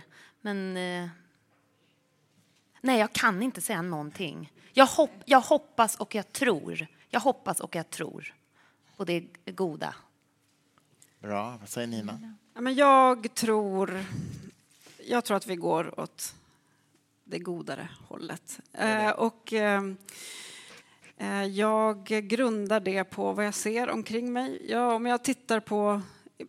Ibland när jag står i mitt fönster och tittar ut på gatan i, i området där jag bor, då tycker jag då ser jag människor som, liksom, ja, som djur som går omkring så här, och så möts de och sen så när de möts ibland så stannar de och säger någonting till varandra så kanske de går åt olika håll eller så, ja, de, de håller på liksom. Och nästan alla sådana små möten med människor är ju fina små möten. Alltså vi är så snälla mot varandra i, generellt. Det är ju, om man nu ska prata om ondska och godhet så är vi ju mycket godare än onda. Och då, jag tänker att godheten har liksom en, en förmåga att utökas och eh, ja, jag, tror att, jag tror på godheten. Mm. Det där är en annan grej som du brukar säga som är bra. Det är det här med att om man ser en katastrof, ja, det är fruktansvärt, så kan man alltid... Vem var det som sa det här? Att man ska... ja, men det var, jag kommer inte ihåg vem det var som sa det, men det var någon som skulle berätta för ett barn som var förtvivlat, som, som var förtvivlat över ondskan i världen, som hade börjat, ett barn som hade börjat att se nyheter och se de här katastrofbilderna. Och då hade den här, jag tror att det var någon mormor eller någonting som hade sagt så här, men du, ska inte, du måste titta, i, i varje sån här bild, titta på den som hjälper. Titta på den som hjälper. Att vi alltid i de här katastrofbilderna så finns det någon som är där och hjälper. Och, liksom, och så är vi ju. Tänk bara att om det är någon som blir sjuk, någon som faller ihop på Coop nära, så då har vi liksom en speciell bil med en speciell lampa som kommer och hämtar upp den människan, kör den till ett sjukhus och liksom hjälper den. Under romarnas tid där man bara hade stampat ihjäl den Nej, det är inte, det är inte så. Gått vidare. vi, liksom, vi vill, liksom, det finns alltid någon, i de allra mörkaste liksom, situationerna så finns det alltid någon eller flera som, som försöker liksom, rädda och hjälpa.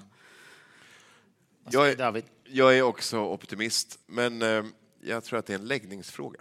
Alltså det är inte att jag har bedömt eh, argumenten och kommit fram till... Har inget starkt evidensläge? Alltså. Nej, det är inte något starkt evidensläge. Däremot så tror jag att det är en läggning. Man har, man, eh, jag tror att optimism, pessimism åtminstone delvis är en, liksom en läggningsfråga. Mm. Och jag råkar hamna på ena sidan av det spektrat. Mm. Så att jag tror att det blir, blir, bra. Jag har också läst mycket science fiction. Och då får man en sorts bild av en sorts mänsklighet tusentals år i framtiden. Mm, eller hur? Som, Stiftelsetrilogin. Till exempel. Vi är klara för ikväll. Detta är det första samtalet av många. Eh, vi hoppas att ni går hem ikväll och att detta har planterat skott till nya grenar, att ni pratar vidare och att vi också ses igen förhoppningsvis den 19. 19 mars. Precis, den 19 mars är vi här. Först ska jag bara säga att eh, om det är någon som saknar en mobiltelefon som jag hittade där borta på golvet så finns den i baren sen. Men 19 mars är vi tillbaks, precis ja. Då är vi här och pratar om artificiell intelligens. Inte bara det, såklart, utan Konst. även medvetandet Medvet och konsten. Är inte det en bra kombo? AI, medvetandet och konsten. Det är klart ni ska komma allihopa. Ja. Ni ska komma. Ja, ja. Låt mig säga vilka som är här bara. Gustav Söderström kommer att sitta på scenen som är då global forskningschef på Spotify. Um, Ulf Danielsson, fysikprofessor som ni säkert känner till. Och Anna Jansson, konstvetare från Nationalmuseum. Det är våra tre gäster eh, den 19 mars. Kom jättegärna. Men kom ihåg nu att ta med er hem vad Voltaire sa. Varje människa är skyldig till allt gott som den inte gjorde. Isabella, Nina, David, tack för att ni var med oss ikväll. Och tack för att ni kom.